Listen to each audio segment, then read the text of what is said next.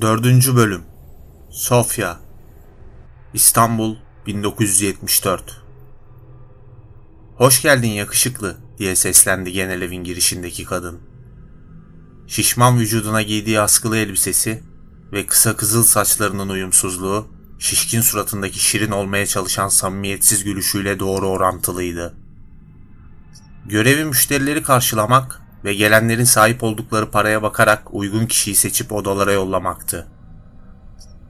Buraya gelenlerin kendisini ilk gördüğünde acaba içeridekiler de böyle midir? Bakışını sezdiğinde sinirini gizleyemez ve samimiyetsiz gülüşü hemen suratından kaybolurdu. Oysa şu anda karşısında duran adam şu ana kadar gördüğü en yakışıklı adam olmasına rağmen onun suratında böyle bir ifade yakalayamayınca iyice keyiflendi. Genç adam kadının karşılamasına cevap vermemiş, ağır bakışlarla etrafı süzerken bu defa kadının kendisine çevirdiği şüpheli bakışlarla karşılaşınca konuştu. Korkma, polis filan değilim. Ne korkacağım canım? Bizim zaten çalışma ruhsatımız var yakışıklı. Asıl sen korkma, diye cevapladı olgun kadın. Sonra, senin kadar yakışıklı biri bile bizi tercih ediyorsa herhalde oldukça zor durumda kalmıştır, dedi. Aslında sandığın kadar kötü değil durumum, diye cevapladı adam. Ensesine kadar uzanan siyah saçları, aynı renkteki gözleri ve yay gibi orantılı kaşlarıyla gerçekten de yakışıklı biriydi. Ama kara gözlerinde rahatsız edici bir bakış da hissediliyordu. Kadın adamın sözlerinden sonra peki ne öyleyse durumun diye sordu. Bunun üstüne adam konuya girdi. Bu civarda diğerlerine göre çok daha iyi olduğunuzu duydum.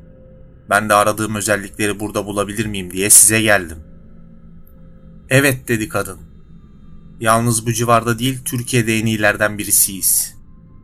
Benim kızlarım gibilerin hiçbir yerde bulamazsın. Aradığın özellikler nelermiş bakalım onu söyle. Adam kadının mallarını öven pazarcı gibi konuşmasını görünce gülümseyip tıpkı eski zamanlardaki gibi diye düşündü. Şu anda karşısındaki kadının eski tarihlerdeki köle tüccarlarından gram farkı yoktu. Gülümsemesini sonlandırınca cevap verdi. Balkan kökenli birini arıyorum. En fazla 20 yaşında ve bakire olacak. Bakire mi? diye durakladı kadın. Ardından gür bir kahkahası attı. Nerede olduğunun farkında mısın yakışıklı? Bizde ne arar bakire kız? Sen yanlış yere gelmiş olmayasın. Nereye geldiğimin farkındayım dedi adam. İyi düşün. Belki vardır böyle biri. Bir de şunu eklemeyi unuttum. Tahmin edemeyeceğin kadar çok param var. Kadın para lafını duyunca bir anda gülümsedi. Hırslı bir gülümsemeydi bu. Sonra konuşmaya başladı. Normal şartlarda burada söylediğin gibi biri olması imkansız. Ama dün gece bir kız geldi. Henüz 18 yaşında. Romanyalı ve bakire. Yalnız talipleri çok. Ama belki parana göre bir şey yapabiliriz. Kaç para istiyorsan o kadarını vereceğim, dedi adam. Kadın ücreti söyleyip yalnız peşin deyince cebinden çıkardığı bir tomar parayı masaya bıraktı. Yaşlı kadının gözleri fal taşı gibi açılmış masadaki paraya bakıyordu. Adama tam oda numarasını söyleyecekti ki bir anda kendisine hakim oldu ve konuşmaya başladı. Onu tanımıyorsun değil mi? Sakın yanlış bir şey yapmaya kalkma. Adam bunun üzerine güldü ve kesinlikle diye mırıldandı. Balkan kızları hakkında güzel şeyler duydum ve size geldim. Buradan çıktıktan sonra benim kadar zengin arkadaşlarıma ne diyeyim sence?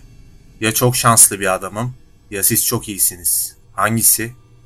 İkisi de canım dedi kadın. Oda numarası iki. İlk giren erkek sen olacaksın. Adam bunun üzerine gülümseyerek kadının karşısından ayrıldı.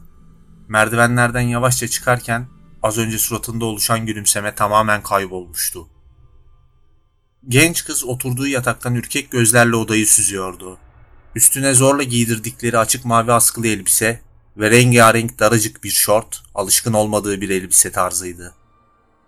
İri gözleri ağlamaktan şişmiş, alnına düşen kakülü terden nemlenmişti.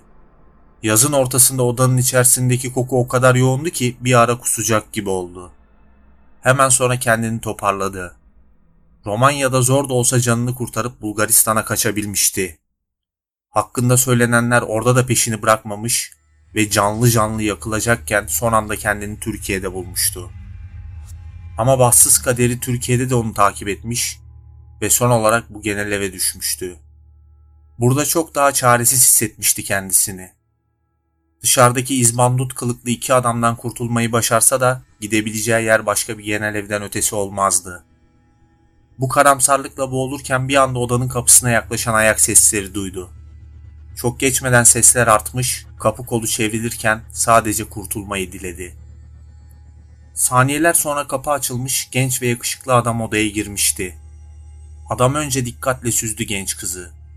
Ardından samimi bir şekilde gülümseyip "Merhaba Sofya." dedi. Kullandığı dil Romenceydi. Sofya'nın iri gözleri şaşkınlıktan bir kat daha açılmıştı. Burada kendisine verilen ad başka bir şeydi. Ama karşısındaki genç adam adını söylemekle kalmamış, üstelik Romence merhaba da demişti. Adamı tanıyamayınca hiçbir şey diyemedi Sofya. Hala şaşkın gözlerle bakıyordu ki adam konuşmaya devam etti. Korkmana gerek yok. Buraya sana yardım etmeye geldim. Sofya şaşkınlığını sürdürürken adımı nereden biliyorsun diyebildi. Bunun üzerine adam içeri birkaç adım attıktan sonra devam etti. Hakkında çok daha fazlasını biliyorum. Seni uzun zamandır takip ediyorum. Ülkende birkaç kişinin ne zaman öleceğini bildiğin için sana cadı dediklerini biliyorum. Bir anda ortaya çıkan sara nöbetlerini de biliyorum. Birkaç Manas tarafından diri diri yakılacakken son anda Bulgaristan'a, oradan da buraya geldiğini gayet iyi biliyorum Sofya. Çünkü sen fark edemesen de ben hep seni izliyordum. Kimsin sen diyebildi Sofya. Ben bunların olmasını istemedim. Hiçbirini. Onların hiçbirini. Ama kimseye anlatamadım. Onların benimle uğraştıklarını anlatamadım diye ekledi. Bana heyban de. Kim olduğumu düşünme. Sana anlatsam da anlayacağını sanmıyorum. Seni rahatsız edenlere de danışabilirsin belki ileride. Ama emin ol onların da benim hakkımda hiçbir fikri yok. Bu arada hazır lafı açılmışken seni onlardan rahatlıkla kurtarabilirim dedi Heyman. Sofya küçüklüğünden beri kimsenin göremediği, görmek de istemediği varlıklarla bağlantı kurmuştu. Kendi isteğine bağlı olmadan oluşan bu bağlantı sayesinde tam dört kişinin öleceğini önceden bilmişti. Yalnız bunları istediği zaman öğrenemezdi. Sadece bu varlıklar yakınında bir yerlerde kendi aralarında konuşurken o da kulak misafiri olurdu. 5-6 yıl önce bir gece gördüğü rüyasında kendisini rahatsız edenlerin sayısının 3 olduğunu öğrenmişti. Tabii kendisinden ne istediklerini de. Tek istedikleri Sofya'nın ölümüydü. Ne zaman olacağını bilemedikleri bir ölüm. Ondan kendisini öldürmesini istemişler. İstediklerini alamayınca birçok insanın esrarengiz diye nitelendirdiği olaylar çıkarmışlardı. Evlerde yangınlar, belirsiz krizler, kötü kabuslar, hareket eden eşyalar ve daha niceleri. Halkın gözünde bunların tek sebebi Sofya olarak gösterilmişti. Yaşananlardan çok etkilenmiş ve birkaç kez intiharı düşünmüştü. Zaten son iki yıldır bulunduğu yere zarar vermekten ve kendisini rahatsız etmekten başka hiçbir şey yapmamıştı bu varlıklar. Onların etrafında olduğunu hissettiği enerjiden anlamayı öğrenmişti sonraları. Ama şimdi bu enerji çemberinin Heyban odaya girdikten sonra dağıldığını fark ediyordu. Çünkü ondan yayılan enerji hepsini bastıran çok daha güçlü bir enerjiydi. Sofya şimdi bakışlarını Heyban'a çevirirken nasıl yapacaksın diye sordu. Heyban Sofya'ya gülümseyip cevap verdi. Çok kolay olacak. Seni onlardan kurtaracağım. Tabii ilk önce benimle olduğunu bilmem gerek, dedi. Anlamadım dedi Sofya. Heyban hemen cevap verdi. Buradakiler gibi vücudunu istemiyorum Sofya. Sadece yeteneklerini istiyorum. Onları benim için kullanmanı. Buralardan çok uzaktaki bir kasabada normal bir hayat yaşayabilirsin. Yeteneklerin sayesinde insanların sana saygı duyduğu bir hayat. Tek isteğim orada yaşayan insanları küçük bir köyün üzerine kışkırtman. Heyban'ın konuşmasını şaşkın bakışlarla dinleyen Sofya, hiçbir şey anlamıyorum anlamında mimik yapınca Heyban devam etti. Söylediklerimin karışık geldiğini biliyorum ama yapman gereken her şeyi öğreteceğim sana. Merak etme, yeteneklerin karşısında herkesten saygı göreceksin. Köylüler hakkında ne söylersen sana inanacaklar. Ve gün gelecek civarda hiç kimsenin onlarla konuşmadığı bir zaman olacak. Evet, o zamanı istiyorum. Onlarla hesaplaşıp benden çaldıkları hazineyi geri alabileceğim zamanı. Senden rahatsız oldular, dedi Sofya en sonunda. Bu arada Heyman'ın odaya girmesiyle yaşadığı şaşkınlık ve korku da giderek artıyordu. Benimle olursam böyle bir lükse sahip olamayacaklar, dedi Heyman. Ve devam etti. Kafandaki soruların benim üzerimde yoğunlaştığının farkındayım. Ama yersiz korkulara kapılmana gerek yok. Ben de tıpkı senin gibi bu evrendeki özel, belki de hatalı varlıklardan biriyim. Artık bir seçim yapman lazım Sofya. Zaman daralıyor. İstersen söylediklerimi unutabilirsin. Ben de teklifimi geri çekip hemen buradan ayrılabilirim. Hem sanırım benden sonra buraya girmeyi bekleyen şişman ve kel biri daha var. Sofya karşısındaki adamdan iyice tedirgin olurken Heyban da son sözlerinden sonra lambadan çıkan cin olmadığını iyice kanıtlamıştı. Genç kız karşısındaki varlığın açık sözlülüğüyle ettiği sözlerden sonra kalbinin hızlıca atmasına engel olamıyordu artık. Yağmurdan kaçarken doluya yakalanmak gibi bir histi yaşadığı, karşısındaki insan gibi görünen ama gerçekte ne olduğu belirsiz olan bu yaratık açık bir şekilde hayatına kendisinin emrinde devam etmesini istiyordu. Aklı soru işaretleriyle dolup taşarken ben sana güç vaat ediyorum dedi Heyban. Ama etini pazarlayarak hayatına devam etmek de senin elinde diye eklemişti ki senin neyim dedi Sofya. Heyban'ın söylediklerini kabul etmekten başka bir çaresi olmadığını anlamıştı. Heyban memnuniyetle gülümserken o halde ben de sana karşı ilk vaadimi yerine getireceğim diye konuştu. İstediğin onlardan tamamen kurtulmaksa bunu hemen gerçekleştirebilirim. Ama senin için yapabileceğim bir şey daha var. Mırıldanarak ne diyebildi Sofya. Onların sana itaat etmesini sağlayabilirim. Sen onlardan çok daha güçlüsün Sofya. Cinlerin aranda görünmez bir zincir var. Onlar bu zincirden kurtulmak, senden uzaklaşmak istiyorlar. Seni gitgide intihara sürüklemelerinin tek sebebi özgürlük. Ancak sen öldüğünde özgür olabilirler. Zincirlerden kurtulmalarının başka bir yolu yok. Ama sen istersen zincirleri eline alır, onlara hükmedebilirsin. Bunu yapabilecek gücüm var. Sofya bir an sessiz kalınca Heyman devam etti. Hatırla Sofya, 9 yaşındaydın. Annen seni evde yalnız bırakmıştı. Eve döndüğünde elbisesinin yandığını görünce nasıl sinirlenmişti değil mi? Sen yapmadığını söylediğin halde dayak yemiştin. Üstüne üstlük bir de ahıra kilitlemişti seni.